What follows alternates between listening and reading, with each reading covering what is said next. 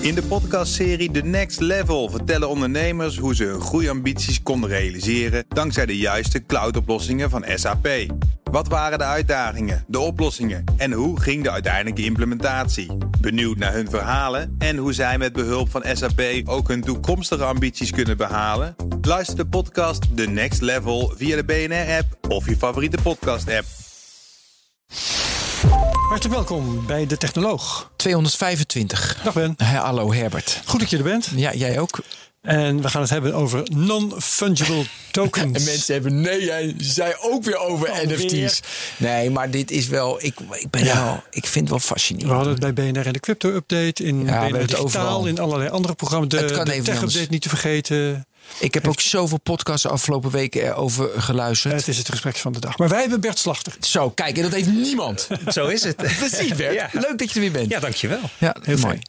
Ehm, en ik denk dat we gewoon maar eh, moeten gaan beginnen met het onderwerp. En kun jij alvast onder woorden brengen wat een non-fungible token eigenlijk is? Ja, dat is, ja, dat is natuurlijk de vraag waar, waar, we, waar we allemaal naar op zoek zijn, naar dat antwoord. Hè. En eh, meestal begint men met dan uit te leggen waar de letters voor staan, NFT. En dan wordt het eigenlijk al vrij snel technisch. En ik las ehm, pas een artikel waarin iemand zei. ehm, oh nee, het was een podcast. En die zei: Ja, maar zo moet je er helemaal niet mee beginnen. We, gaan dus, we moeten eigenlijk nog met elkaar op zoek naar goede analogieën. Dat is eigenlijk Oh, ja. de vraag. En, Ik heb er ook een paar klaar liggen, maar jij mag... nou ja, precies. precies. En, die, en, en die zei van, ehm, eigenlijk kan je het je als volgt voorstellen. En hij zei erbij van, als je een beetje de techniek kent, doe dan je vingers in je oren, want het klopt niet wat ik zeg, maar het is wel een goede metafoor. En hij zei, stel je voor, je uploadt een bestand naar de blockchain en je krijgt er een digitaal bewijsje voor terug en dat is de NFT. Je uploadt een bestand naar de blockchain. Ja, daar klopt natuurlijk geen bal van, want dat is niet wat er gebeurt. Nee. Maar als je het zo voor je, hè, zo voor je ziet van oké, ik heb hier een, ik heb iets, iets digitaals gemaakt. Een muziek of een, een, een tekening, een schilderij. Hè, dus iets- Video. Ja. Of, of, of, of een zwaard in een game. Of weet je, iets digitaals. Een tekst mag ook. En die upload ik ergens heen. ja. En in ruil daarvoor krijg ik iets terug. En dat ding, dat, dat, dat is vanaf dat moment gekoppeld aan datgene wat ik heb gemaakt. En ik vond het wel een aardige eh, manier om erover te redeneren. Kijk, het klopt natuurlijk niet helemaal, want je uploadt dat bestand, het, het, laat ik zo zeggen, het bestand wordt niet opgeslagen in de blockchain, letterlijk. Ehm, maar als je het goed doet, wordt dat bestand wel op een of andere gedecentraliseerde manier opgeslagen. IPFS wordt er vaak voor gebruikt. En wat er dan in de blockchain wordt vastgelegd, is eigenlijk een soort van digitale samenvatting van, van, van het bestand. Een hash noemen we dat. Ehm, ehm, een vingerafdruk zou je kunnen zeggen. Ja. Ehm, en, en die zitten in de blockchain en die, die is dan dus daarmee gekoppeld aan. daarmee is eigenlijk vastgelegd dat op dat moment dat jij dat bestand eh, vastlegde. En, en, dat, en dat, dat, dat NFT'tje wat je dan krijgt. Ja. Hè, we hebben het over NFT'tjes zoals we het over mp3'tjes hebben. Beetje, dat is al de analogie. Iedereen weet een mp3'tje. Ja, niemand weet precies hoe die techniek werkt. Dat hoeft ook niet, want nou, mp3'tje, oh ja, dat is, dat is, een, dat is een muziekje. Dat bekend, dat kennen. Ja. En een NFT'tje, nou dat is dus een eigendomsbewijs van, een, van iets digitaals. En dat kun je verkopen of je kunt het overdragen enzovoort. En ik moet wel eh, alvast de tweede eh, vandaag gebruikte afkorting uitleggen. Het IPFS. Ja. Dat is het Interplanetary File System. Ja. En dat is een over de wereld verspreide opslagmethode. Hè? Daar zijn er alle, allerlei computers nemen daaraan deel. En je kunt iets uploaden naar het IPFS. En is het opgeslagen, kun je terugkrijgen. Al weet niemand welk stukje van jouw bestand op welke computer staat. Zoiets is het volgens mij. Zoiets is het. Maar wacht even, ik Ja. wil even een vraag. Dus die tweet van Elon Musk, die wordt toch niet apart op de IPFS gezet? Dat is toch gewoon die tweet. En Nee, de- dat is, daar zit een token dat het die originele tweet is. Op dat moment krijg je een handtekening. Om verwarring te voorkomen, je hebt het over de tweet van Jack Dorsey, denk ik. Ik zei... Want Elon Musk eh, die twittert oh ook ja, wel. die, die maar wil ook alles verkopen. die maar het lukt twittert hem over niet. een liedje dat Ja. NFT Nee, ja, maar ook dat ze ze 420 eh beetje dollar. Ik zag een hele lijst met die tweets die hij allemaal ook. die hij niet te koop zet, maar die mensen te koop zetten. dat het de tweet is van Elon Musk. Maar ik heb het in dit geval, ja, daar komen we allemaal nog op. Ja, ik heb ja, in dit geval op Jack Dorsey's tweet, de eerste tweet. Die wordt er niet apart op die IPFS gezet. Dus daarom ben ik even in verwarring. Nou, misschien niet, misschien wel. Dus dat, dat, dat hangt vanaf. Hè. Het hoeft ook niet per se op, de, op, op IPFS. Nee, maar hè. op een maar kijk, dus wa- wa- wat, wat er bij aan het NFT wordt gekoppeld is metadata. Ja. Dat is informatie over datgene wat je ehm, daarin vastlegt, waar je het aan koppelt. Ehm, en dat kan verwijzen naar ehm, een, best- eh, dat is een URL. En dat, dat kan verwijzen dus naar een bestand op IPFS. Het kan ook verwijzen. Ik weet niet. Ik heb de- deze toevallig heb ik de metadata niet van bekeken. Dus ik weet niet of deze dan verwijst naar de tweet van Jack zelf. Of naar ehm, iets wat weer door de, die, die tussenpartij die die tweet verkocht Ja, ja, heeft. ja. Dat denk ik eigenlijk dat het daarnaar verwijst. Dus het moet altijd wel ergens naar verwijzen. En dat, is, dat kan dus het originele bestaan. Dus als je die van Beeple neemt, hè, waar- die we allemaal die gezien nemen. hebben. Als je daar de metadata van bekijkt, dan staat er dus een verwijzing in naar een bestand. En die kan je gewoon downloaden. Dus een JPEG-bestand van 300 megabyte. Kan iedereen downloaden. En dat is het Dat is origineel. zelf. Ja, dat en is, dan heb je dus, dat is een van de dingen waar we het over moeten hebben. Dan geldt het NFT als een soort echtheidskenmerk van, eh, nou ja, als je dat koopt, dan heb je het echte kunstwerk. Ja. Maar intussen bestaat het uit informatie die iedereen in staat stelt om een kopie van dat kunstwerk notabene ja, en een, een exacte en- kopie Een exacte kopie. in Dus- huis te halen. Dus ik heb hem nu ook op mijn harde schijf staan. Daar staat hij, de, de Beeple. Ik Ja. heb, ik heb, hoe- hoeveel is het? 69 miljoen dollar voor betaald. Ehm, en ik heb er niks voor betaald. En ik heb exact hetzelfde bestand. Oké, waar staat dat bestand? In dit Wie geval- host dat? Wie, wie beheert dat? Ja, in dit geval stond hij op IPFS. Dus dat betekent dat hij eh, over allerlei computers wereldwijd verdeeld is. En hoe dat werkt bij IPFS is dat ehm, je moet hem... Tenminste, dat, volgens mij is het hoe dat hoe het werkt... Dat je, er moet in minimaal één iemand hem bewust aanbieden. En dan wordt hij overal ehm, naartoe gesynchroniseerd. En dus hoe meer hij opgevraagd wordt, hoe meer die ook verspreid wordt over dat systeem. mogelijk. Dus daar zullen vast, vast allerlei dingen voor, slimme Ja, dingen ja, voor ja. zijn. En, maar er zijn ook eh, NFT's waarbij de URL gewoon gaat naar, het, naar een platform waar die gemaakt is. Waar die Ja, gemaakt is? Dat is Ja. belangrijk, hè? Want Het is heel belangrijk wat je Ja, Ja. ehm, want eh, er zijn dus veel van die diensten. De namen heb ik even niet paraat, maar eh, er staan zat links in de show notes. Iedereen kan ze vinden. Ja. Dus je gaat naar zo'n dienst en je, je biedt het bestand aan waar je een NFT aan wil hangen. Eh, en dat wordt allemaal geregeld. Maar daarbij wordt het bestand in kwestie, dat jij dus op die manier van een echtheidskenmerk Ja. voorziet, wordt eh, opgeslagen bij die dienst. Maar je bedoelt En die de link, diensten- de link is dan dus naar, eh, Bert noemt het een platform, Ja. een plek op het internet.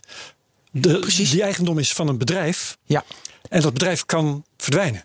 en precies. En dat is een heel belangrijk punt. Maar even, je bedoelt het OpenSea, Bitski, Ephemera, Foundation, Ghostmarket, Die clubs, N- Nifty ja. Ga- die clubs bedoel Nou, je? de, de, de OpenSea is een soort marktplaats. Hè? Maar Ja. je hebt ook, ehm, eh, hè, dus eh, ook wat OpenSea doet, die, die volgt de Ethereum blockchain bijvoorbeeld. En die kijkt alle NFT's die er langskomen, die indexeert die. Zodat, je, zodat ze, hè, als je daar dan met je wallet naar connect, dan, dan herkent hij dat, dat je er eentje hebt. En dan kan je hem verkopen, weet je, dat soort dingen.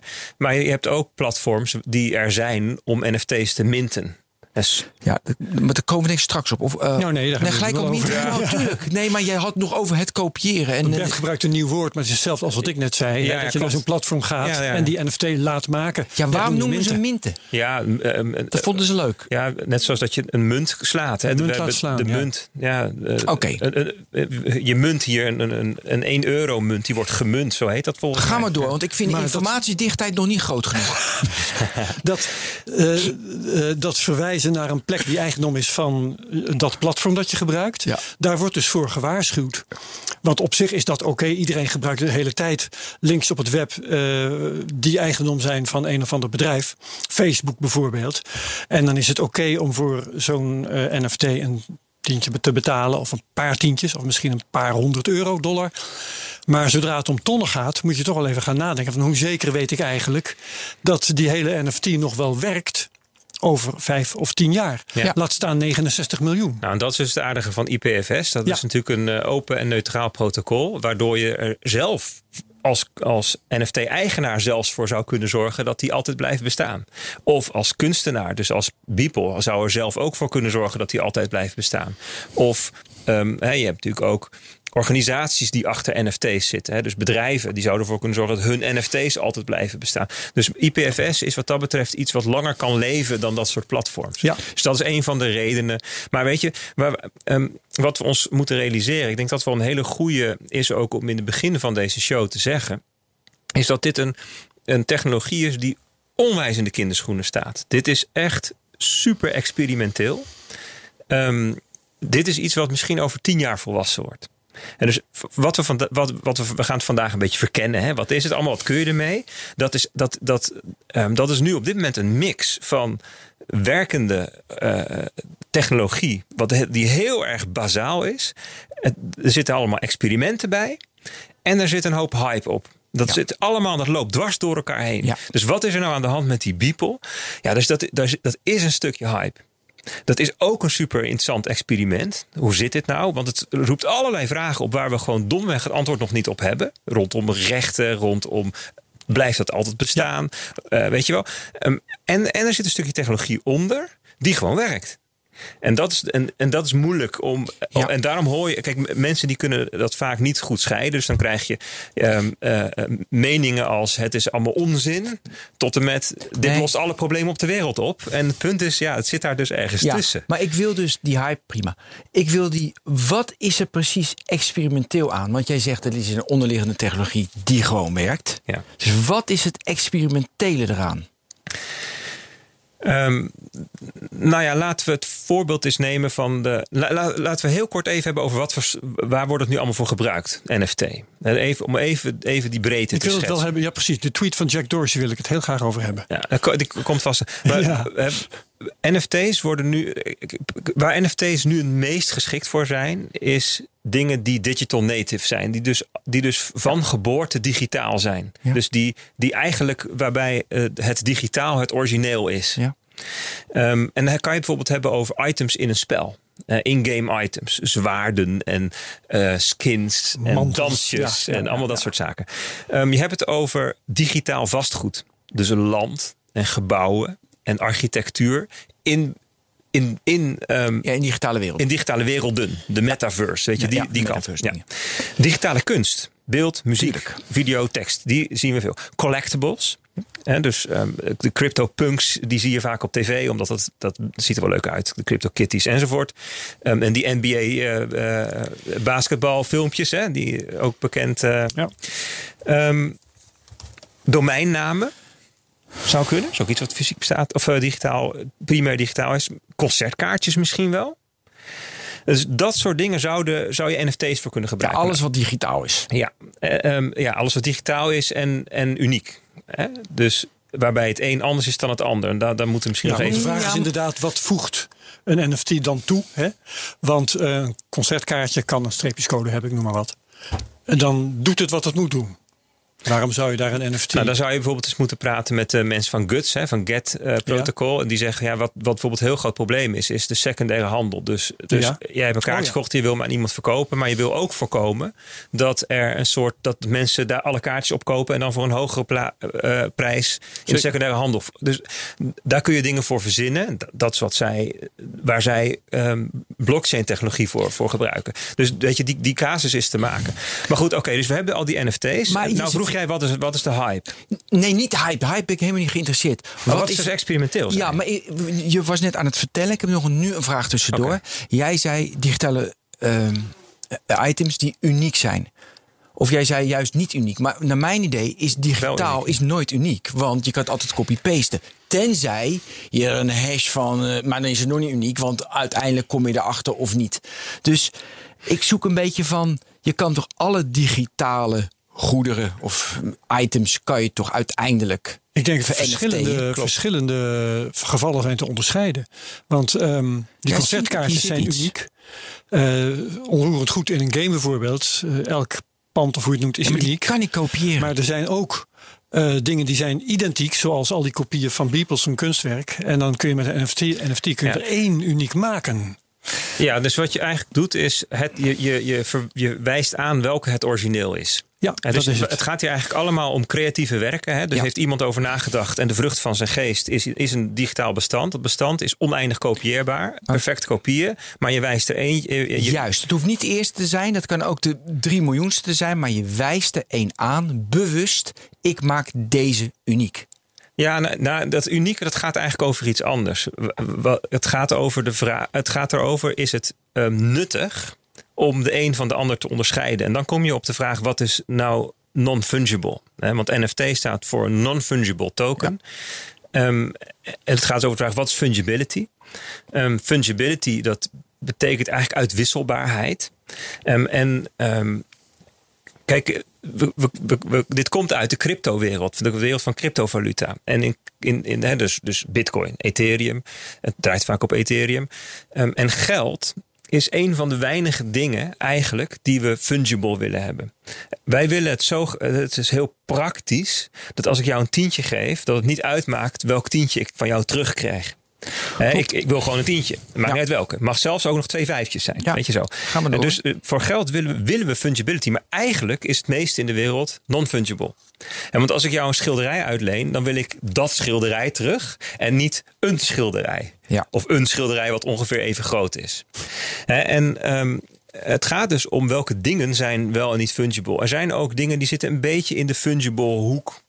Ehm, de categorie mag ik een kopje suiker lenen. Ja, dan hoef je niet per se die suiker terug. Weet je wel, suiker, grondstoffen, ehm, benzine. eh, weet je, dat, dat maakt eigenlijk niets voor uit. Weet je wel, dat is een beetje. Dat is- begint al uitwisselbaarder te worden. En zelfs geld is niet 100% per se altijd uitwisselbaar. Er zijn bijvoorbeeld landen waar een een, zeg maar een maagdelijk bankbiljet waardevoller is dan een versleten bankbiljet. Dus, dus die, die fungibility is eigenlijk een schaal. En ehm, in principe zijn dingen non-fungible. Alleen speciaal voor geld willen we fungibility. En dat hebben we gebouwd met cryptovaluta. En nu gaan we datzelfde, dezelfde methode, namelijk het gebruiken van cryptografie, om eigenaarschap over te dragen, willen we ook gebruiken voor dingen die je wel wil onderscheiden. En daarom noemen ze dat non-fungible. Ja. Dus dubbele ontkenning eigenlijk. En dus daar komt het vandaan. Precies, maar even nog heel even. Ik wil toch even bevestigd zien of ontkracht hebben. Het maakt uiteindelijk niet uit welk digitaal item. Of je de, de eerste die ik maak een kunstwerk. Of ik spreek hier iets uit. Dat wordt digitaal. Dat kan je duizend keer kopiëren. Dan kan je ook de duizendste non-fungible maken. Klopt, Dat gaat- doet Omdat ze toch niet van elkaar te onderscheiden. Nee, het, Precies, het gaat er dus om dat je op een gegeven moment een digitaal bestand hebt waar je een vingerafdruk van neemt. Precies. Hè, een hash van maakt.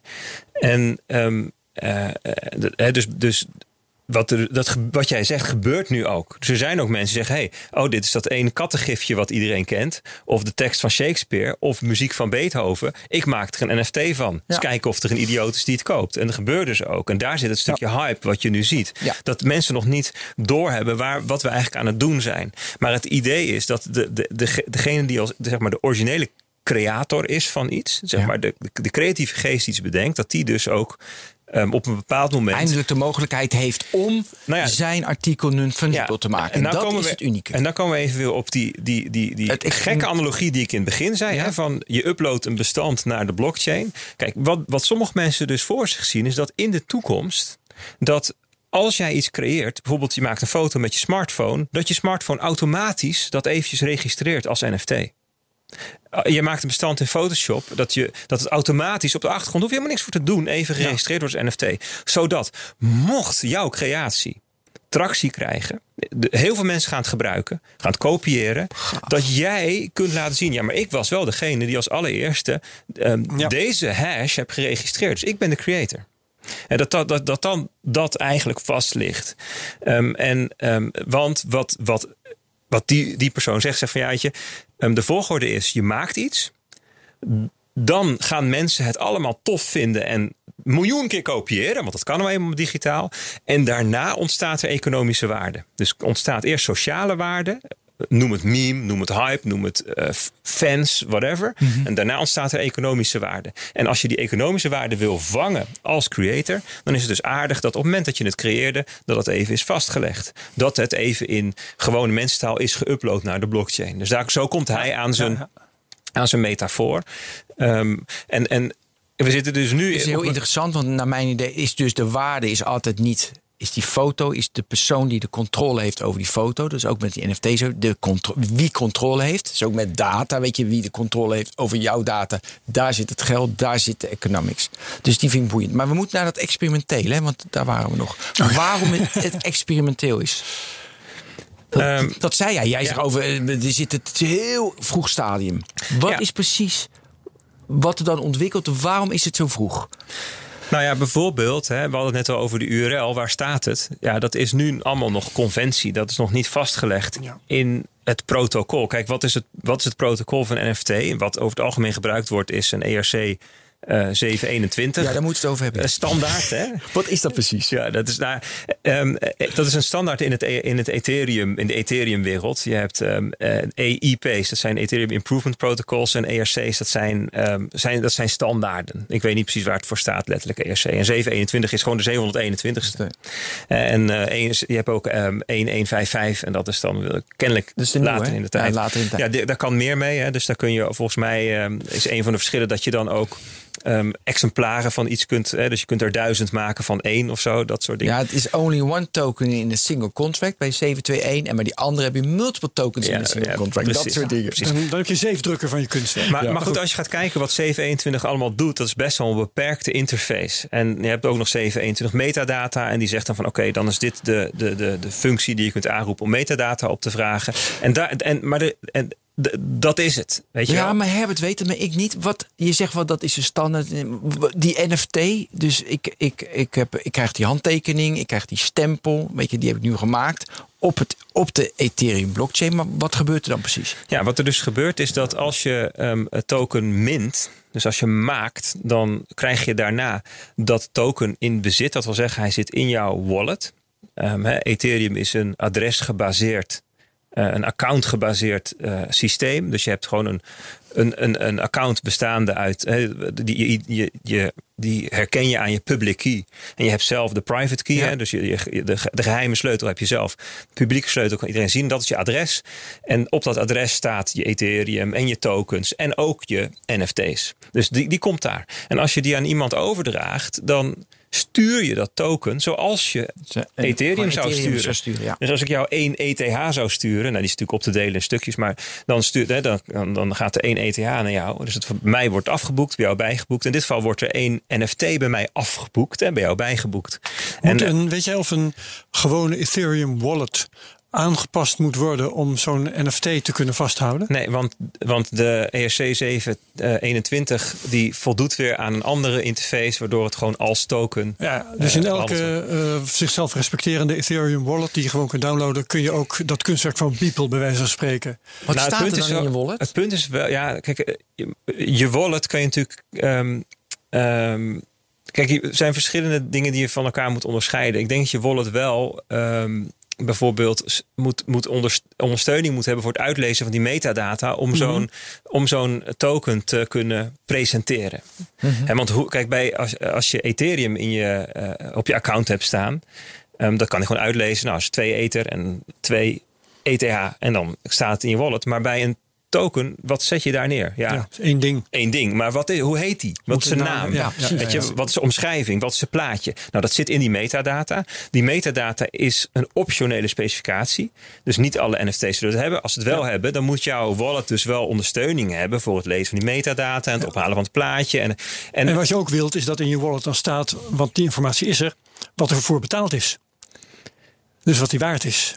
Ja, dat, dat, stel ik me wel voor dat, dat, daar ook dat is interessant. Volgens mij is dat geen onderdeel van de specificatie, maar ligt dat Oh, nu nog op de platforms. Aha, oké. Ja, dus er zijn allerlei dingen die je heel graag zou willen Ja. rondom NFT's. Dat is experimentele nog bedoel Dat, dat is wat dat bedoel ik met ja, dat experimenteel. ermee. Er is er is nu heel veel ehm, wat, we, wat, we, wat, wat tof is aan NFT's, wat nu nog geregeld wordt door ofwel conventies, zo van iedereen doet het zo, dus zo werkt het. Ja. Ehm, ofwel doordat het nu nog ligt, verantwoordelijkheid nog ligt bij de platforms. En dus wat wat je bijvoorbeeld, bijvoorbeeld interessant is aan een NFT is dat je kunt zeggen, als jij deze NFT bezit, dan krijg je toegang tot iets waar anderen niet bij mogen.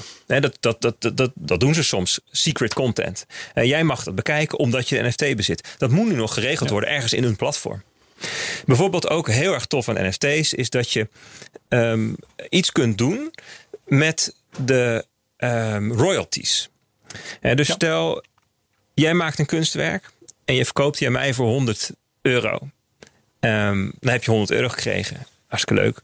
Maar ik verkoop hem later door voor 100.000 euro.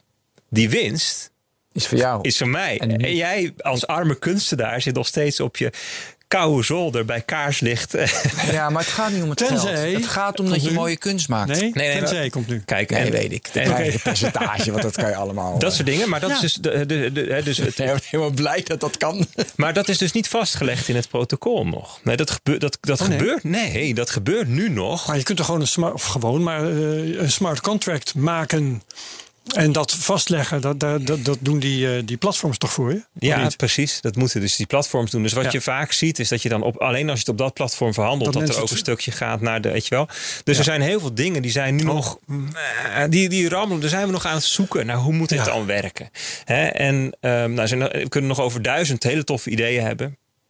Maar dat is allemaal nog in de ideeënsfeer. Ja. En er zijn experimenten van. En sommige werken, sommige werken niet. Waarvan één trouwens zal zijn dat elke keer dat jouw kunstwerk wordt doorverkocht. Ja, tuurlijk. Dat- nee, nee, nee, maar is. Dat waar we het ook over hebben. Ja, ja. Maar je zou, je zou er zelfs een soort, soort speltheorie van kunnen maken. Hè? Als je hem eh, afhankelijk van hoe lang je hem in bezit houdt, eh, hoef je minder af te dragen, weet ik veel, dat soort dingen. Daar, kun, daar gaan mensen allemaal mee experimenteren. Ja, Kun je nu ja, al- en eh, iets wat ik hoorde, wat ik zelf wel tof vond, is bijvoorbeeld ehm, crowdfunding. Dus wat je zou kunnen doen is, je hebt een eh, eh, eh, NFT of een aantal NFT's die door mensen worden gecrowdfund. Ehm, hè, wat, je, wat je zou kunnen doen ook is een NFT weer in stukjes knippen. Hadden we het net al even over in duizend stukjes. En eh, mensen die crowdfunden van tevoren die NFT en daarna wordt het werk gemaakt bijvoorbeeld. En dan, dan, dan heb, kun je laten zien dat je hebt bijgedragen aan het tot stand Ja. brengen van zo'n werk. Best leuk, Ja. maar het zijn nog ideeën en het- is nog niet, daar is nog geen wereldwijde open standaard voor. Maar wat, wat, wat ook experimenteel is, en dat wil ik graag even in de groep gooien, eh, dat is hoe dit allemaal wordt gewaardeerd. Hè, want nu wordt voor eh, dat Beeple-werk bijvoorbeeld, maar ook voor die tweet van Jack Dorsey, eh, wordt die NFT gepresenteerd als een soort echtheidskenmerk of een stempel van goedkeuring of hoe je het wil noemen. En ehm, wat we nog niet weten is hoe de buitenwereld, de wereldbevolking, dat waardeert. Nee. Ehm, of, want, want die, die tweet van Jack, nou ja, jij vertelde ook dat werk van Beeple, dat heb je nou op je PC, terwijl je het helemaal niet hebt hoeven betalen. Dus misschien denkt over vijf jaar iedereen, ja, eh, Maar ik doe daarmee niks stouts, hè? Dit, Nee, dit is nee, gewoon nee, oké. nee, nee, Iedereen mag heb ook gewoon downloaden. Google Ja. opgezocht. Ja. Ik heb het ook gewoon... dus eh, ehm, nu eh, is alles wat de, het publiek hierover weet, is wat de kranten erover schrijven. En die denken dus, oké, iemand heeft voor een digitaal kunstwerk 69 miljoen betaald. Maar straks weet iedereen, oh ja, maar Bert en Ben en Herbert, die konden even goed gewoon dat hele kunstwerk downloaden. Dus wat is hier eigenlijk gebeurd? En misschien is dan straks de waardering voor deze hele actie nul. En degene Klopt. die die 69 miljoen heeft betaald, die is gewoon zijn geld kwijt en heeft niks wat iemand verder nog waardeert. Dat Nee, kan. Dat kan dus zijn. En dat is ook de belangrijkste waarschuwing die ik geef als ik, het hier, als ik maar heel korte tijd heb om het hierover te hebben. Dan is dat wat ik vooral zeg. Omdat mensen dat nog niet goed lijken te snappen. In ieder geval, misschien snappen mensen van buiten de cryptowereld dit beter dan van binnen. En want daar zitten toch ook best wel een hoop mensen die er zitten om snel rijk te worden. Helaas, pindakaas. Maar dat is wel een feit. Of ze vinden toch alles cool wat technisch leuk is. Precies. En het punt is een beetje dat bij een cryptomunt, een cryptoproject, heeft. Kijk, ik bedoel eens even 21 miljoen bitcoins. Hè? Stel dat ik er eentje heb, dan heeft die ene, die heeft waarde. Hij zegt, stel Ja, dat je moet het even beschrijven. Dan, heeft waarde vanwege het geheel van bitcoin. Ja. Niet vanwege die ene munt die ik heb, maar vanwege die 21 miljoen bij elkaar. Het netwerkeffect en alles eromheen. Dus, dus het maakt ook niet uit welke ik daarvan heb. Die heeft gewoon waarde omdat bitcoin als totaliteit waarde heeft. Dat geldt ook Ja. voor Ethereum. Dat geldt ook voor, noem eens wat, Uniswap of zo. Ja, weet je? Cardano, noem maar op. Ja. Ja.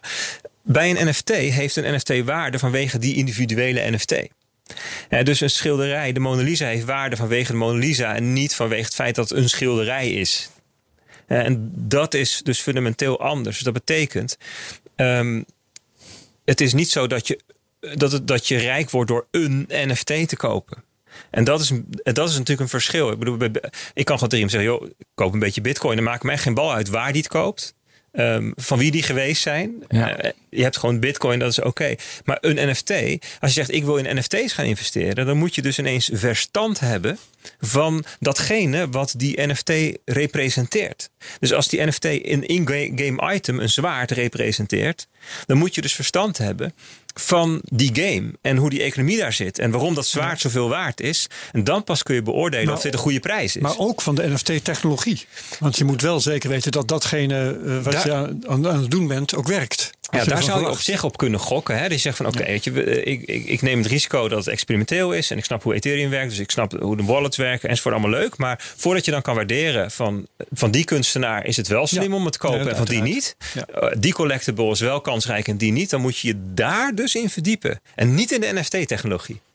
En wat je bedoelt, Met ja. andere woorden, ehm, kijk, ik, ik geloof best dat NFT ehm, over tien jaar, dat we over tien jaar zeggen: hey, in 2021, dat was het eerste beginnetje van die technologie die nu zo alomtegenwoordig is. Het zou best kunnen. Ehm, en als ik dat denk en ik zeg van nou, ik zou willen profiteren van mijn inzicht daarin nu, dan moet ik dus nu geen NFT's gaan kopen. Maar dan moet ik me inkopen in al die bedrijven die die infrastructuur maken. Ja, ja, ja, da- da- daar zit een belangrijk eh, ding Geen goud gaan zoeken, maar pikhouwelen met- ja, verkopen. ja. exact. Want, want, en, en dat, dat geldt hier heel specifiek. Want we, we hebben werkelijk geen idee nu welke Beeple, eh, eh, welke Beeple is. Misschien is Beeple wel gewoon de volgende Picasso. Wie zal het zeggen?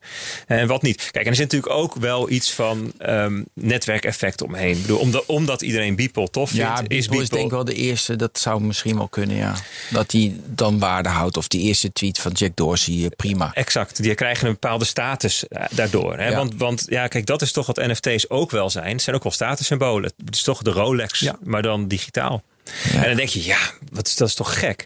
Maar ja, je moet je wel voorstellen dat er een hele generatie is voor wie digitaal net zo echt is als, als deze wereld. Ja. Ehm, eh, eh, mensen die in Fortnite, Fortnite samen een film gaan kijken of naar een concert gaan. Ja.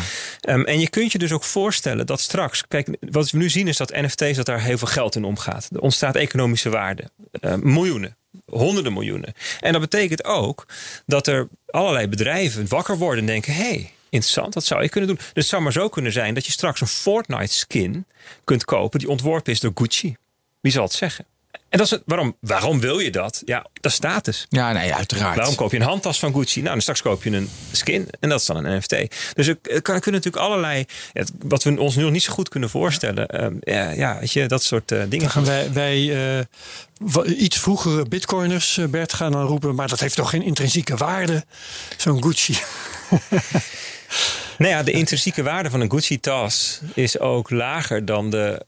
Eh, hè, dus zeg maar de, het materiaal wat ervoor gebruikt is. En er zit een heel groot gat en dat is de verkoopprijs. En Ja, dat koop ja, je dus vanwege de status. Tuurlijk. Dat, dat gaat, Eh, dat- even eh, een beetje terug. Waarom werd die NFT ineens vijf, zes maanden geleden werd het ineens een hype? Want het bestaat al langer. Want je noemde al de crypti. eh CryptoKitties. je hebt, je hebt, je hebt precies. de ja, dus de 2017 Nou, toen hè, was was het dat. eigenlijk ook al een hype. Hè? Dat Ja, het was even de een hype. Maar, van de nu, maar nu echt. Maar, maar, is er iets veranderd dan de afgelopen drie, vier maanden? Wat was de trigger? Ik denk heel erg aan, en, eh, weet je, aan het basketbal. eh, de topshots. Ja. Die, nou, dat doen. Nee, je, je- Ik weet het, nou, niet- nou, ik, het- punt is ook, ik weet het niet precies. Ehm, ehm, het- wa- wat ik genoemd hoor worden is dat er ehm, een hele hoop crypto-rijken zijn bijgekomen. Hè, want Ja. Bitcoin-koers is natuurlijk van, nou, laten we zeggen, 4.000, 5.000 dollar een, een jaar geleden naar 50.000 nu Ja. gegaan. En voor Ethereum geldt ook zoiets. De laagste prijs was 80 dollar en het hoogste twi- 2000. Hè. Dus dat, daar zitten flinke dingen tussen. Dus er zijn natuurlijk een hoop mensen zijn nu rijk geworden. Ja, wat koopt een crypto-rijke? Die dacht van, we gaan NFT gaan we een beetje pompen. Nou nee, die, er ontstaat handel in ehm geld te statussymbolen. Ja. Dat, dat, Ja. dat, dat heb ik, I don't know wat het echt is geweest. Kijk, wat, ik- wat, wat ik wel opvallend vind. En we noemden net een aantal ehm, manieren waarop NFT's gebruikt kunnen worden.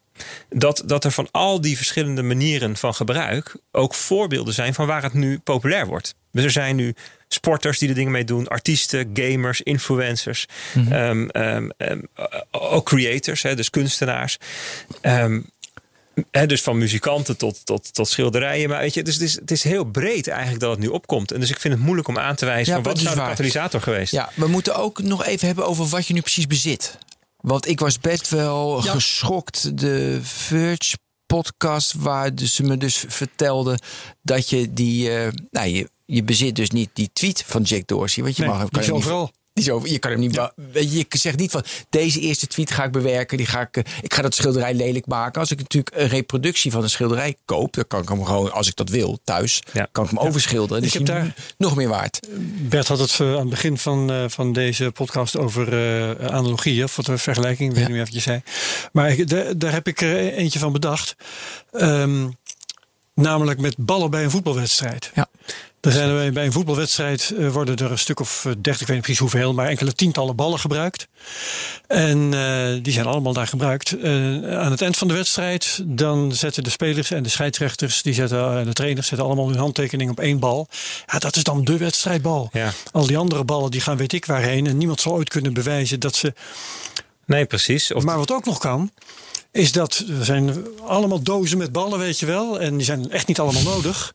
En aan het eind van de wedstrijd, jongens, we hebben een wedstrijdbal. Pakt iemand een ongebruikte bal uit zijn doos en daar wordt die handtekening op gezet. zeker.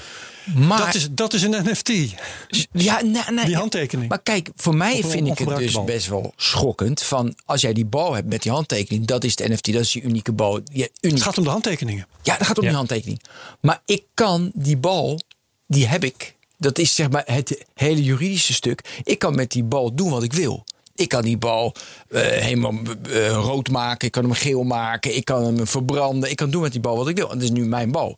Maar die tweet van Jack Dorsey, dat is mijn tweet niet. Ik heb alleen een bewijsje dat ik de eerste tweet Ja. heb. Maar ik heb die tweet niet. Dat vind ik bizar. Nee, want het is natuurlijk iets ehm, digitaals. Ja. Dus de eentjes en nulletjes, dat, die- zeg, maar de, zeg maar de informatie, dat is het equivalent van de, van, de, van de atomen van de bal. En dus die informatie vernietigen, dat is, dat is raar. Je kunt de elektronen niet vernietigen. Maar, maar wat je wel kunt vernietigen, is de NFT zelf. Je zou de NFT kunnen burnen.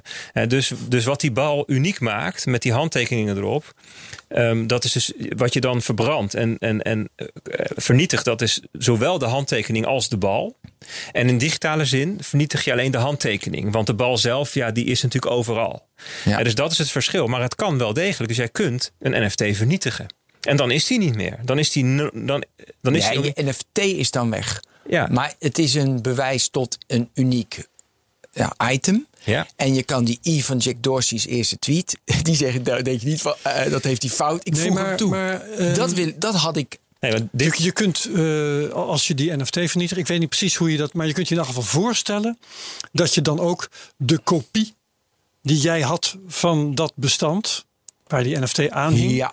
dat die daarmee ook verdwijnt. ja, maar Al dat is natuurlijk, kopieën dat is natuurlijk bestaan. ceremonieel. Want Zeker. bedoel, Ja, precies. Er zijn, ja, maar wel, want dat, moet, dat is wel interessant. Er staat natuurlijk, je verwijst naar een URL.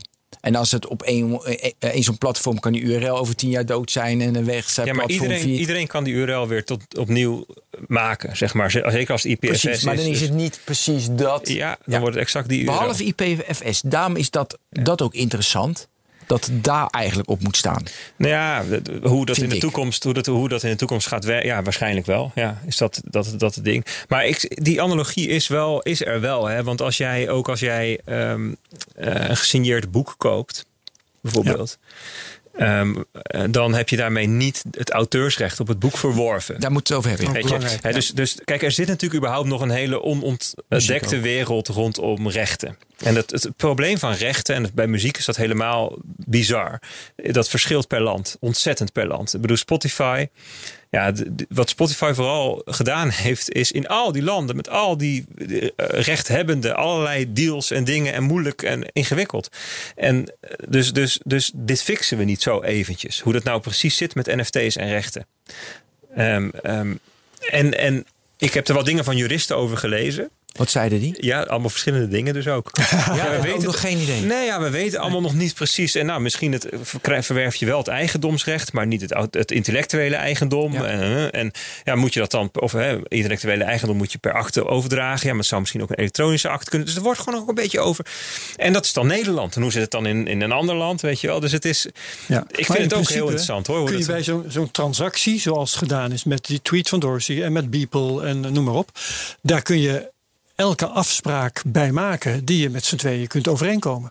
Dus je kunt gewoon afspreken en ergens vastleggen, digitaal of op papier, dat ehm, je, je koopt een NFT eh, en die betreft dit eh, werk, eh, dat je daarmee wel het auteursrecht verwerft. Ja, misschien. en, en het recht om het door te verkopen en er zelf van te profiteren, kopieën te maken, bewerkingen te Mogelijk, maken. mogelijk. Maar, welke, maar hoe moet je dat dan vastleggen? Op welke Ja, manier? dat Dat, is op heel de wereld. Ja. eh, want het is, het is natuurlijk een globaal fenomeen. Dat in heel Ja. de wereld ook geldig is. Ja. Weet je, vaak in contracten staat er dan. In, op dit contract is Nederlands recht van toepassing. En bij eh, eh, de discussie moet je hier en hier bij deze rechtbank staan. Ja, weet je, dat zijn natuurlijk allemaal. Dus dat stuk weet ik ook En veel te dat daar weinig van. nieuwe, nieuwe wetten voor moeten worden gemaakt. Zoals er ook nieuwe Experimenteel. wetten zijn gemaakt experiment. Ja, dit is een stuk van experimenteel. Maar eh, voor veel mensen die nu iets met NFT's doen, zal dat ze worst wezen. Want waar het ze om gaat. Kijk, als jij ehm, met Blauw of met, met Beeple, dat is, met artiesten. ehm, eh, als je daar iets van koopt, dan doe je dat ook omdat je hun fan bent. Het is een verbinding. Het is een emotionele verbinding tussen jou en eh, jouw idool. Of hè, datgene waarmee je verbonden wil zijn. Wat je tot uitdrukking wil brengen. Ja. Door iets unieks van ze te kopen. Dat doe je ook als je een gesigneerd boek koopt. Ja, weet je, dat is hetzelfde boek als wat ik heb. Alleen die van mij is niet ges- gesigneerd en die van jou wel. En dat doe je omdat je die schrijver tof vindt. Weet je, dat is waar het om gaat. Om die, die band tot uiting te brengen. Alleen dat is een fysiek object. Net als die bal en het wedstrijdshirtje. En hier gaat het om digitale objecten. Dus ik vind jouw analogie best een hele aardige. Ja. Voor dit soort dingen. Maar er zijn dus ook een heel ander soort dingen waar NFT's voor gebruikt worden. En daar is het weer anders. Hè, dus ik, we, we zitten nu natuurlijk in een soort van tussenfase tussen werken we nou allemaal op kantoor of werken we thuis. Hè, en eh, het zou wel eens kunnen zijn dat we in de toekomst veel vaker thuis werken, remote first. En dat we ook ehm, eh, remote conferenties hebben en remote vergaderingen. En een van de denkrichtingen is dat we straks virtuele kantoren krijgen. Eh, waar je 3D doorheen loopt. Ja. Ehm, het zou maar zo kunnen zijn dat je dan straks een architect vraagt om jouw kantoor te ontwerpen. In VR. Ja. Die kan van jou zijn, digitaal NFT. Ja, dan zit je natuurlijk helemaal niet in het idee van dat je fan bent van iemand. Maar dat je gewoon een digitaal iets gekocht hebt of bezitten. Wat je kunt doorverkopen. I don't know man. Weet je, dat zijn allemaal dingen die weer in een ander domein zich afspelen. Mooi. Ja, want ik vond wel mooi jouw voorbeeld net. Nou, dat- dit vind ik een heel mooi toekomstbeeld. Maar ook het toekomstbeeld, iedere foto, direct NFT. Dat je direct weet van ik heb die foto. Heb je nog meer voorbeelden van de toekomst dat alles, alles wordt een NFT wat we digitaal doen? Of juist niet? Ja, ja. Ja, dat denk ik. Alles. Je, je denkt ook echt dat dat gaat gebeuren, want het is, het is Nou een ja. mogelijkheid, eh, zo had ik het tot nu toe opgevat. Ja, ja, nee, ja, goed. Het is, dat, is, dat, is, dat zou kunnen. Kijk, het Ja. zou kunnen dat het. Dat, ehm, het concept waar we het nu over hebben, hè, dus het ehm, vastleggen, het timestampen van, van het bestaan van iets digitaals in een blockchain. Om het even heel erg plat te slaan, dat we dat in de toekomst op een andere manier vormgeven. Dat we het anders noemen. Dat, we dat Ethereum niet de wereld daarvoor is. En verzint allemaal maar. Dus het kan anders uitpakken. Maar ik, ik, ik vind dat wel plausibel, ja. Dat je van creatieve werken, dat dat wordt vastgelegd. Eh, Ik bedoel, ik kan me ook voorstellen dat als jij als eh, schrijver, als eh, blogger, als krant... hè, ehm, Ja. eh, als je een artikel schrijft, even dat vastlegt als NFT, dat bezit je en daarmee kun je ook laten zien dat, dat, we- dat het Ja. jouw werk is. En Op dat gebied bestaat trouwens iets, hè? daar hebben we in de CryptoCast wel eens over gehad. bedoel je? Ja, Ja. Wordproof, precies. Dus, en dat, ik weet niet of dat als NFT kan gelden, maar het is wel een manier om met een blockchain, blockchain te timestampen. Klopt. Zodat Dus de je heeft iets- vastgelegd dat een bepaald stuk content op een bepaalde dag is verschenen, inderdaad in die krant. En dus als iemand anders het later publiceert, dat die plagiaat pleegt. Ja, of je kunt laten zien dat je het niet hebt aangepast, bijvoorbeeld in de tussentijd. Ja. En dat, is, dat, is- dat, dat er niet mee getemperd is. Nou ja, en dat, dat, dat is aardig, maar dat kun je dus nog niet overdragen. Nee. En wat je een, een, een, een idee van NFT's is, stel dat jij een artikel schrijft. En dat artikel dat blijkt, ehm, nou ja, toch een soort legendarisch te worden. Hè, 100 miljoen keer gelezen. Misschien zijn er mensen die zeggen: ja, dit, dit artikel dat heeft ehm, culturele waarde. En ik wil daar wel, eh, ik wil het wel bezitten. Ik wil Ja. er wel een stukje van hebben of verzin het Ja. maar. En dat, nou ja, dan zou je De daar Bitcoin whitepaper bijvoorbeeld. daar zou je die NFT dan weer voor kunnen gebruiken. Ja, hoe, eh, nu even van, nu willen wij deze podcast, willen wij nu een NFT van maken. Hoe, hoe doe je dat? Ja, dan, nou, nou wordt het interessant. Want nu kom je dus op het rommelige gedeelte. Het experimentele gedeelte, zo je wilt. dat Ja. iets netter. Ja, want nou ja, het is een beetje rommelig. Want wat is een, wat is een podcast? Het is natuurlijk geluid. Ja. Dus dan zeg je van, nou ja, oké, wat is dan het origineel? een WAF. Maar ja, dat is weer een beetje groot. Een MP3 maken we ervan. Dat is handig, want MP3 heb je ook nodig om te podcasten. Hè. Dat komt in het eh, RSS-bestand, wat dan de podcast-apps ingaat. Dus dat, dat MP3-bestand, daar maken we een fingerprint van. Dat leggen we vast. Maar ja, het kan best eens wezen dat iemand. Ja, bij MP3 is het nog iets minder aan de orde. Maar dat stel dat, je een, een, eh, dat iemand eh, op een gegeven moment die MP3 kopieert en zit een beetje stilte voor en aan, die haalt die stilte weg, dan is de MP3-bestand anders. Of iemand die verandert de, de, de metadata in de MP3, de ID3-tag. Ja. Dan, is, dan, is, dan is ook de, de, de, de hash anders geworden. Ehm, een, een plaatje, een JPEG, als jij die Twitter opstuurt, dan gaat Twitter die gaat hem resizen. Is de hash anders. En dus, dus hoe controleer je nou welke nou het welk, ja, weet je, dat, daar, daar, dat, daar, dat, dat, dat dit is rommelig nog. Ja, maar goed, dus wat je zou doen is ja, je zou die MP3 dus ehm, ergens IPFS hosten en, eh, en, en een NFT van maken. En, en dat dan verkopen op OpenSea eh, of zo, of waar dan ook. Ja. Dat zou kunnen. Maar, dan, maar hoe gaat het precies dat je een, een, een IPFS van maakt? Hoe, eh, dus dat je hem daar eh, dus neerzet, hoe gaat dat? Nou, er zijn, er zijn allerlei platforms die je daar helemaal bij begeleiden. Dan ga je gewoon heen. OpenSea.com is er een, je noemde hem net. Hè? Ja, super rare. Oh nee, ik kan gewoon het bestand bij OpenSea neerzetten. Ja, ja. oh precies, ja. En die- En, die- gaat hij dan automatisch, gaat hij dan naar, dat is, dat is op IPFS? Dat weet ik niet precies. Dat weet niet, oké. Dat weet ik niet precies. Ja. En, dus- en dan kan je hem opzetten en dan kan je een prijs aanhangen. Dat is gewoon, jeetje man. Ik klik eh, OpenSea.com en dan krijg ik luier deals. Dus ik denk dat het de verkeerde site is. Nou ja, Nee, OpenSea.io misschien. .io of is het, ja. Nee, kijk, ik, ik heb alleen mee gespeeld door gewoon rechtstreeks ERC eh, eh, dingetjes te, rommelen. Maar En eh, er is meteen op eh, OpenSea.io me- meteen een knop create. Dus dan kun je meteen aan de slag. je kan gewoon uploaden en dan... eh, ja, je zult wel een keer een account maken.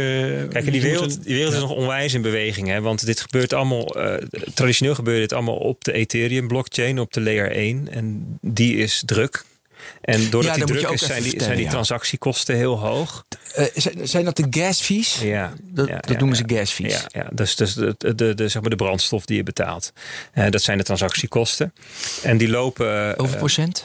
nou ja, die, nee, dat is veel probleem. Dat is niet in procenten. Dat is afhankelijk van hoe ingewikkeld de opdracht is die je geeft. Dus puur het overboeken van ether, dat is heel simpel. Dus dan zit je nu 5 tot 10 dollar, een beetje die richting. Maar ja, ga jij een ehm, transactie doen op Uniswap of zo, zo'n zo'n zo'n wisselplatform, dan kan het soms wel 30, 40 dollar zijn. Het minten van een NFT weet ik niet precies, maar het zou ook denk ik die orde groot zijn. Dus best wel, het is iets ingewikkelder dan puur iets overmaken. Dus je hebt het, nou laten zeggen, 10, 20 dollar aan transactiekosten. En als stel dat Ethereum nou nog vijf keer zoveel waard wordt, dan heb je dus alweer over 100 dollar. Dus dat is niet, ehm, eh, dat is niet duurzaam voor nu. Nu is Ethereum heel erg bezig met het schaalbaarheidsvraagstuk. Met ehm, ehm, Ethereum 2 is de uiteindelijke schalen op, ehm, op layer 1. Maar ze zijn nu vooral heel erg bezig met schalen op, op een tweede laag. Hè. Dus het zijn roll-ups die ze ervoor gebruiken. En dat begint een beetje maart, april gaan de eerste daarmee live. Een paar zijn er net begonnen. In mei, begin mei komt geloof ik eh, Uniswap ook op, eh, ehm, op, op een, een layer 2. En daarmee zou de druk op layer 1 minder moeten worden. Dus ze zijn daarmee bezig, zijn het aan het oplossen. Maar het is nu nog niet. Dus het is nu onhandig. Dus wat, wat, doen, wat doet NFT nu? Ja, die verhuizen naar andere blockchains. Dat zijn dan sidechains bijvoorbeeld van Ethereum. Kan, hè? Of het zijn echt andere blockchains die dan interoperabiliteit hebben. Jij noem eens namen? Flow bijvoorbeeld. Dus bekende. naar Flow. Ja, of, of, of ehm, ja, en die Polkadot denk ik ook. Dat zou heel goed kunnen. Ja, Tezos hoorde de- ik wel eens. Ja, Eh, VeChain misschien. Ja, nou ja, nee, dat denk ik niet. Dat is meer voor ehm, eh, supply chain eh, oplossingen. Oké. Maar goed, eh, dat, dus, dus dan krijg je weer de, weer de vraag van... oké, op welke blockchain leeft dan je NFT? En dan kom je weer op het gebied dat rommelig is en experimenteel. Hè, en dan zijn dus mensen zeggen... ja, kijk, zo'n Beeple, ja, die wil ik wel op Ethereum. Want dat is toch wel de best beveiligd, meest gedecentraliseerd. Ja, Christie's, Eh, weet je, dat is ook... eh, nou ja, ik, ik las net dat Beeple, die, die heeft de ether die hij heeft gekregen alweer verkocht. Die heeft hij alweer gedumpt. Voor 53 miljoen heeft hij op zijn rekening. En de rest is belasting en de fee voor Christie geweest. dus Christie heeft maar in dollars heeft hij gewoon, hij wilde dollars hij hebben. wil gewoon dollars hebben. Dus eh, kijk, een van de dingen die, die, nu, die je nu hoort van Ethereum-fans zeggen: ja, weet je, dit is weer een van de cases van Ethereum, ehm, die vangt al die waarden. Nou ja, kijk, eh, het is, heel, heel, het is heel interessant, want op één dag gebeuren er twee dingen. vandaag zegt Elon Musk, Musk, ja.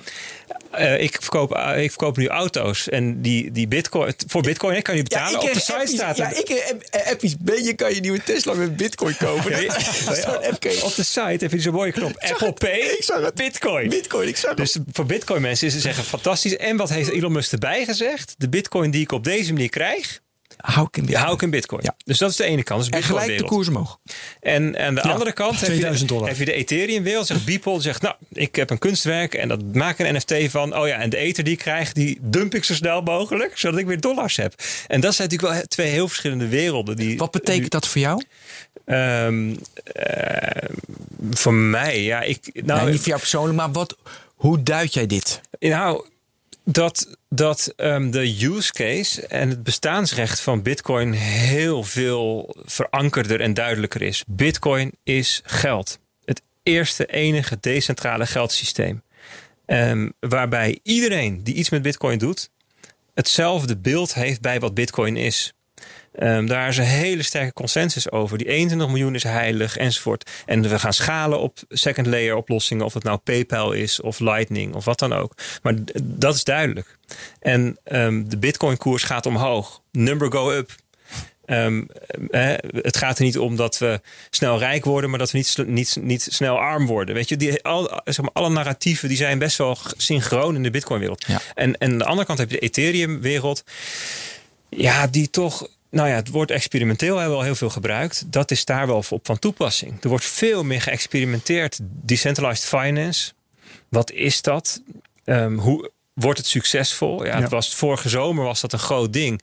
Ehm, nu zie je dat allerlei mensen met, eh, naar alternatieve eh, Ja. chains toe vluchten. Hè, Binance Smart Chain en zo. En dan zie je de baas van Binance die zie je een beetje grapjes over Ethereum maken. En dan worden Ethereum mensen weer boos over. Het is daar veel minder uitgekristalliseerd. Zie jij dat ook zo? Weet je? Nou, ik, eh, ik wou eigenlijk een, een tweet citeren die ik vandaag zag. Dus het geeft een beetje een antwoord op je, op je vraag. En is- vertelt eigenlijk hetzelfde als wat Bert net vertelde. En die tweet die luidde... Elon Musk kan vanaf vandaag zijn bitcoin kopen met Tesla's. Ja. En die vond ik echt heel mooi. Klopt. Ja. Omdat dat eh, geeft aan dat wat Elon Musk eigenlijk wil hebben is bitcoin. Ja. En eh, dat is Maar- een ontwikkeling op zichzelf. Dat is echt het narratief hè, sinds zomer 2020. Bitcoin is een store of value, het digitale goud. Dat Mhm. heb je om je te beschermen tegen inflatie. Dat is waar Michael Saylor mee kwam, Ja, wat Elon Musk het echode. En, en dan de, die Noorse miljardair eh, eh, van Aker twee weken geleden enzovoort. Wat is het narratief van Ethereum? Ja, ze roepen wel heel hard: wij zijn geld. Ehm, ehm, wij zijn ehm, eh, zelfs eh, ja, super sound money of zo. Of, of ultra sound money noemen ze zichzelf. omdat het straks defla- deflationair wordt. Hè, naar, naar- dat ze straks gaan beurden. Maar ehm, ehm, ja, Beeple vindt dat kennelijk niet. Beeple die pakt die eters en die gooit zo snel mogelijk. Dus daar zit, daar zit nog iets van: ja, wat is het eigenlijk? ja. Wat, en, en, en dat Wat moet het voor jou zijn? Wat is, nee, Wat zou het moeten zijn? Dat weet ik niet. Nee, je bent nu eh, die Vitalik, hoe heet die met z'n achteren? Erin, ja. Die, hij was eh, vorige week weer bij Tim Ferriss ook weer geluisterd. Dat is echt een van de grootste visionairs, vind ik. Ik vind hem echt Dat was, fantastisch. was een goede podcastaflevering. hè? Ja, was was, leuk. weer, was weer Ja. werelds. Moet eigenlijk Naval erbij. Ja, het was echt goed. Echt hè. Ik heb niet echt een duidelijke beeld van precies wat jij zegt. We gaan hier naartoe. Hij zit ook, terwijl ik een- het een grote visionair vind, hij zit ook te zoeken, te experimenteren, te Ja. kijken. Ja, en hij, hij, hij heeft ook wel eens gezegd: ja, it's a world computer. Weet je wel? Ja. En hij zegt ook Ja, dat eigenlijk. ja, precies, dat zegt hij de hele tijd. Hij zegt ook Het van is het, is, computer, het is aan de gemeenschap om te bepalen wat het is. En ehm, eh, laat duizend bloemen bloeien. Weet je wel, laat iedereen wat proberen. Ehm antifragiliteit. En wat niet werkt, dat werkt niet. Dat gaat weer dood. En wat wel werkt, dat wordt groot. Weet je, dat is een, Ja. een heel andere eh, invalshoek Maar eigenlijk. Staat heel erg op een tweesprong. Hè. Het kan, vanaf nu kan het eh, goed gaan als, dat, als die tweede versie slaagt. En het kan de stront inrijden als dat niet lukt. En die kosten hoog blijven. En die overvleugeld wordt door die concurrerende eh, eh, coins en chains van eh, Polkadot en dergelijke. Ja, nou ja, dat, is- dat is de theorie. Ehm, bij Bitcoin kun je ook dit soort theorieën verzinnen. Weet je, Bitcoin zal uiteindelijk. Ja, maar die heeft minder duidelijke concurrentie. Ja, nou ja, Bitcoin zal uiteindelijk ehm, voldoende beveiligingsbudget uit de transactiekosten moeten halen. Ja. En als dat niet gebeurt, is het einde oefening. Eh, dus er zitten weer andere eh, vraag, vraagtekens van gaat dat lukken, gaat het gebeuren? Ja. ehm, ga- gaan die tweede laagsoplossingen bij Bitcoin goed genoeg zijn om voor 100.000 transacties per seconde te, te zorgen? Ehm, en Ethereum heeft andere vragen. Gaat de overgang naar ETH2 lukken? Gaat, ehm, gaan, ik bedoel, ze gaan in juli gaan ze de London hard fork doen. Dan ehm, eh, vanaf dat moment gaat de, eh, ehm, de- gaan de transactiekosten van Ethereum verbrand worden in plaats van naar de miners uit. En je hebt nu al miners zeggen, nou wij gaan die mee, wij gaan, wij gaan eh, daar, wij, we gaan wegvorken, we gaan in opstand komen. Dus die heeft weer andere dingen voor zich liggen van onzekerheden, zal ik maar zeggen. Maar qua use case, ja, is het. ehm, zijn er allerlei. kijk, weet je, de, de mensen van E- de, de echte Ethereum-fans zeggen, weet je, het netwerkeffect van Ethereum is zo groot.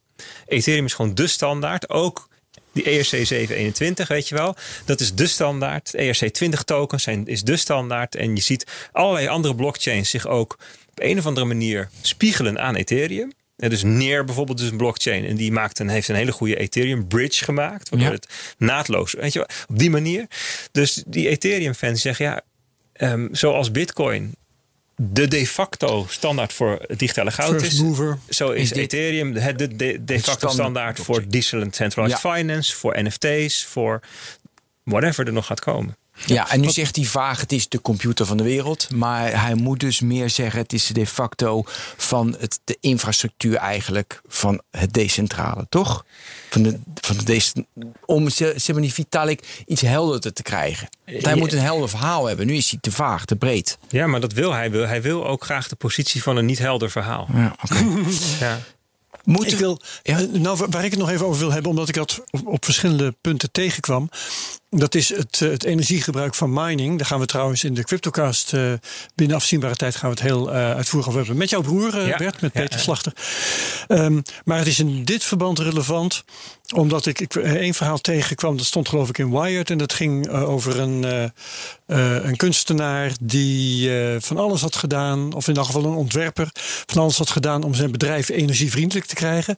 Elk jaar 10% minder verbruik. Goed zo. En toen ging hij gebruik maken van NFT's op een of andere manier. En toen ging hij dat invoeren in zijn calculaties van energieverbruik van zijn bedrijf. En toen was opeens al zijn, al zijn besparingen, die waren voor niks geweest.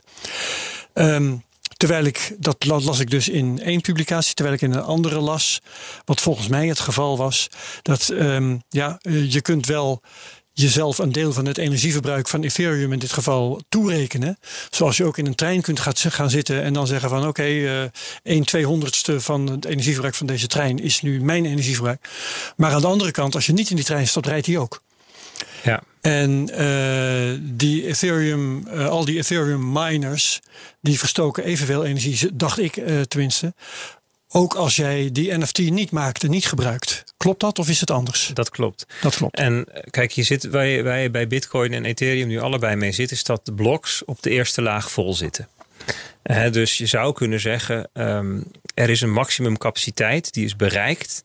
En ehm, dus de energie die wordt eigenlijk omgeslagen op de.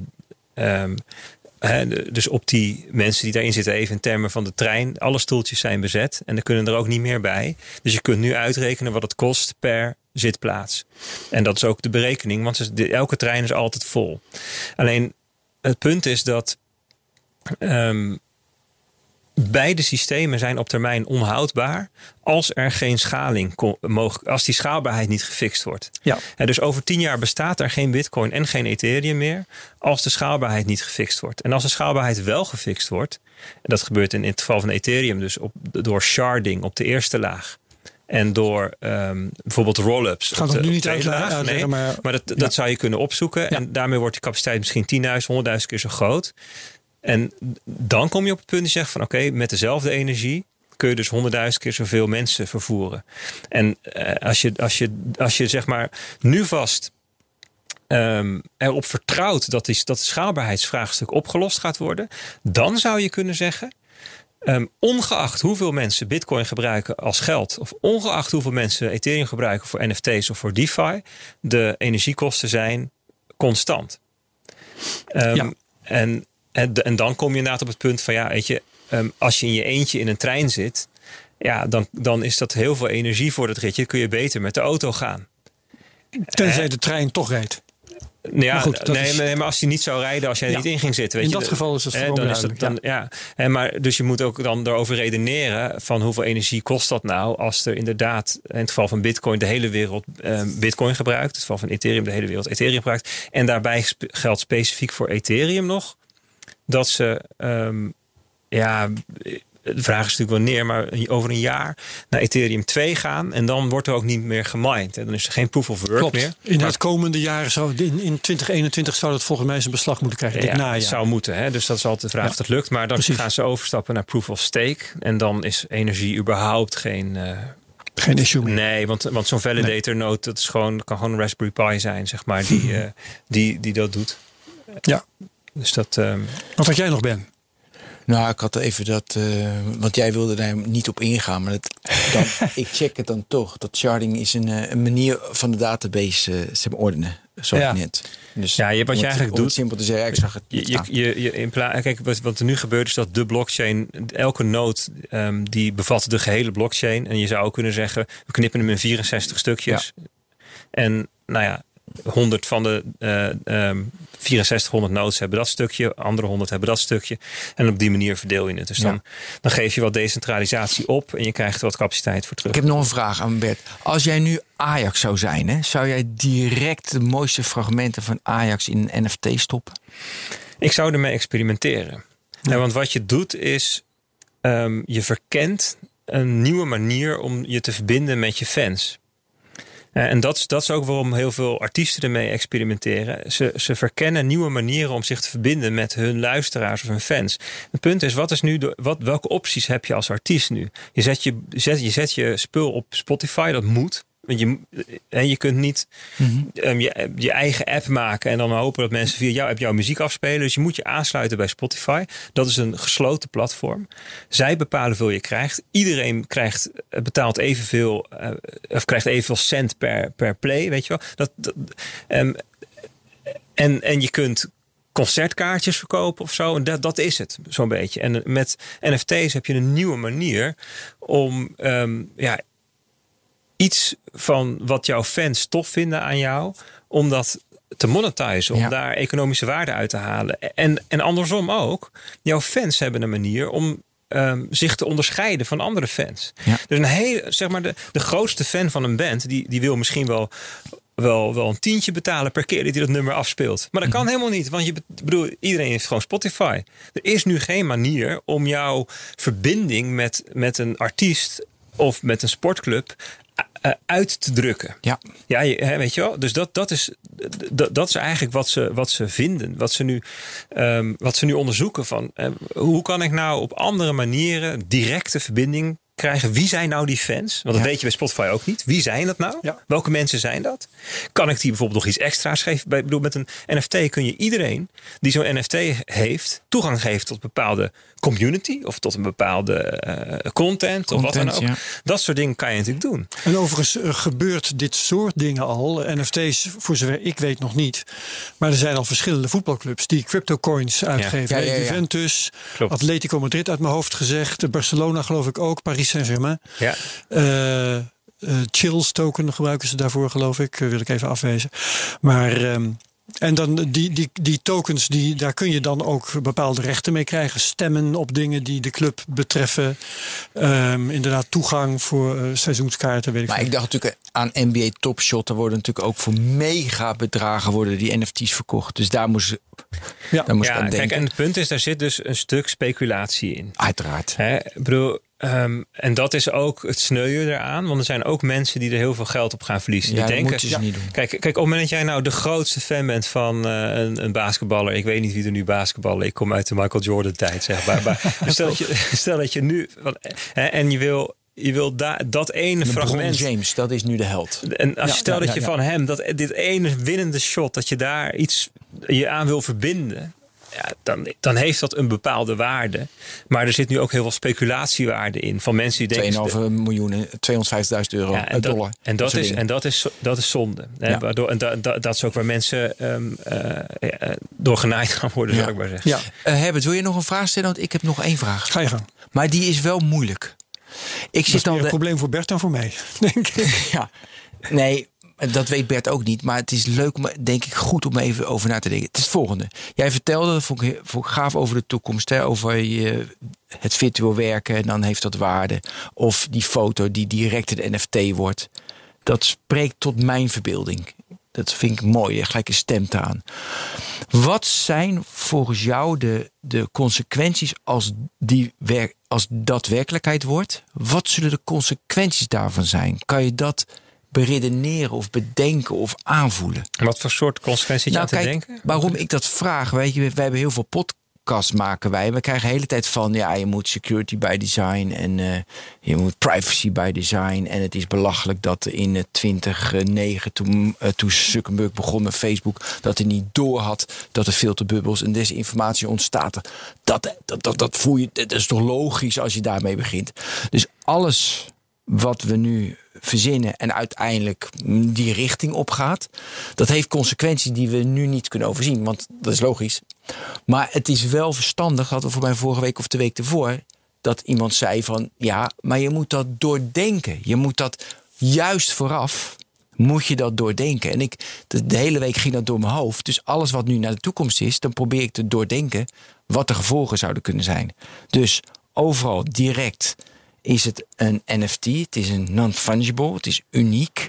Dat zal consequenties hebben. Dat we bijvoorbeeld minder snel iets kunnen delen, want alles ga je dan in waarde vatten. En als je alles als mens in waarde vat, doe je niets meer zonder dat je in waarde denkt. Waardoor ik niks meer doe voor jou omdat ik jou een fijne gast vind. Nou, dit is bijvoorbeeld een consequentie ervan. Ja. Ik verzin hem nu te plekken. Maar ja, ja. Ik, daar dacht ik, kunnen we daar nog wat tijd aan besteden? Of is alleen wat ik nu verzonnen is iets hij kan te lastig zijn, hè? Maar ik denk, kijk, dan is dat een boodschap die we mee moeten nemen. Je zit nu in de sociale dynamiek te denken. Hè? Wat, oh, doet, wat, wat doet het met mensen? Ja? En dat is, daar zit je over. Wat doet het met mensen en met, met verbindingen tussen mensen? Um, dat weet ik niet. Kijk, wat, wat, wat wel, dit, dit kan wel een puzzelstukje zijn in een aantal andere grote trends die we zien. Hè. We hadden het al even over de metaverse. Um, grote online werelden waar dingen in gebeuren. We, kennen het uit games, maar het kan ook veel serieuzer zijn. Dus waar mensen werken, samenwerken. Um, dat het, het, het digitale. Uh, kijk, we zitten in een, in een tijd waarin we overstappen van dat het fysieke het origineel is en het digitale de kopie, naar dat het digitale het origineel is en een, en, het, en een fysiek de kopie.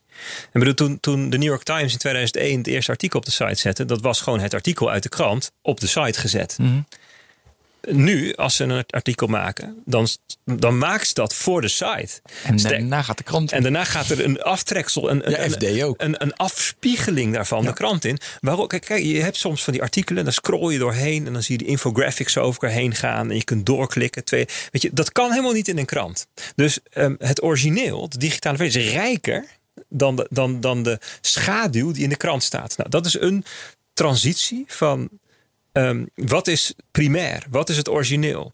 Uh, het fysieke of het digitale? En we zitten nu in een soort um, overgangsperiode dat steeds meer dingen verschuiven van het fysieke is het origineel naar digitaal is het origineel. Ook, dat gaat ook voor um, conferenties, bijeenkomsten, uh, bruiloften. Straks is je bruiloft is gewoon digitaal, weet je wel. En, en, en de luxe versie heeft ook een fysieke component. Wie zal het zeggen?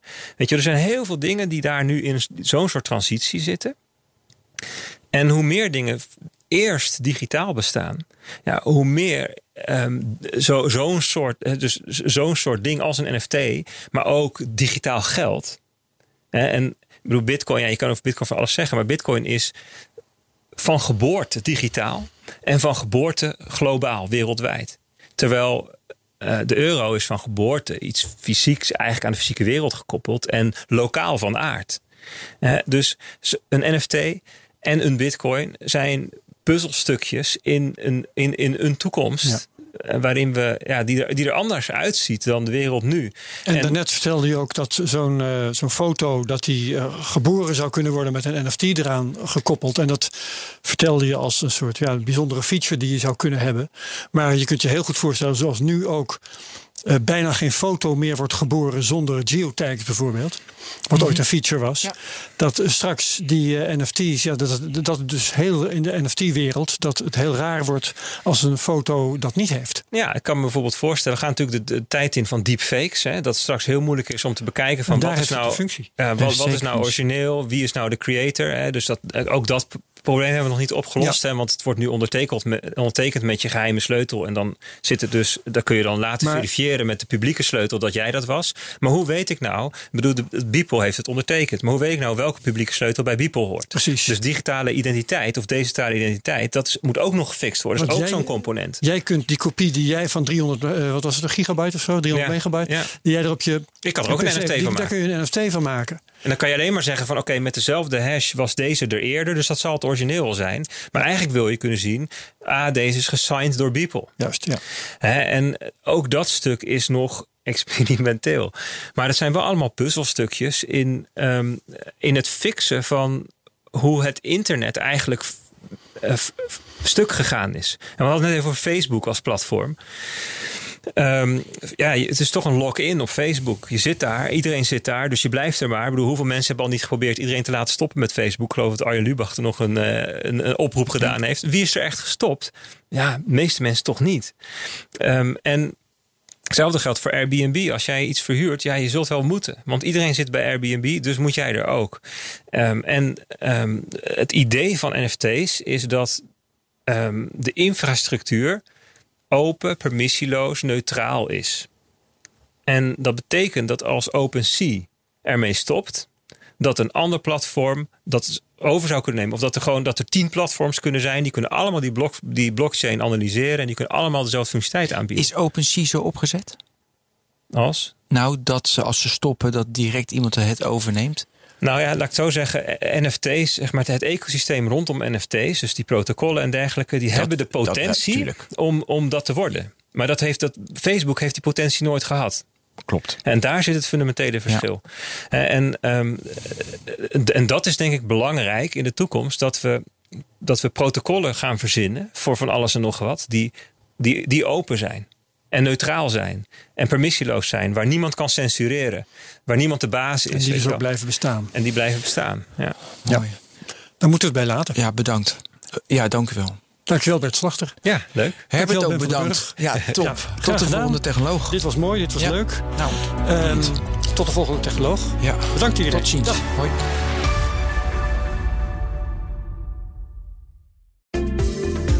In de podcastserie The Next Level vertellen ondernemers hoe ze hun groeiambities konden realiseren dankzij de juiste cloudoplossingen van SAP. Wat waren de uitdagingen, de oplossingen en hoe ging de uiteindelijke implementatie? Benieuwd naar hun verhalen en hoe zij met behulp van SAP ook hun toekomstige ambities kunnen behalen? Luister de podcast The Next Level via de BNR-app of je favoriete podcast-app.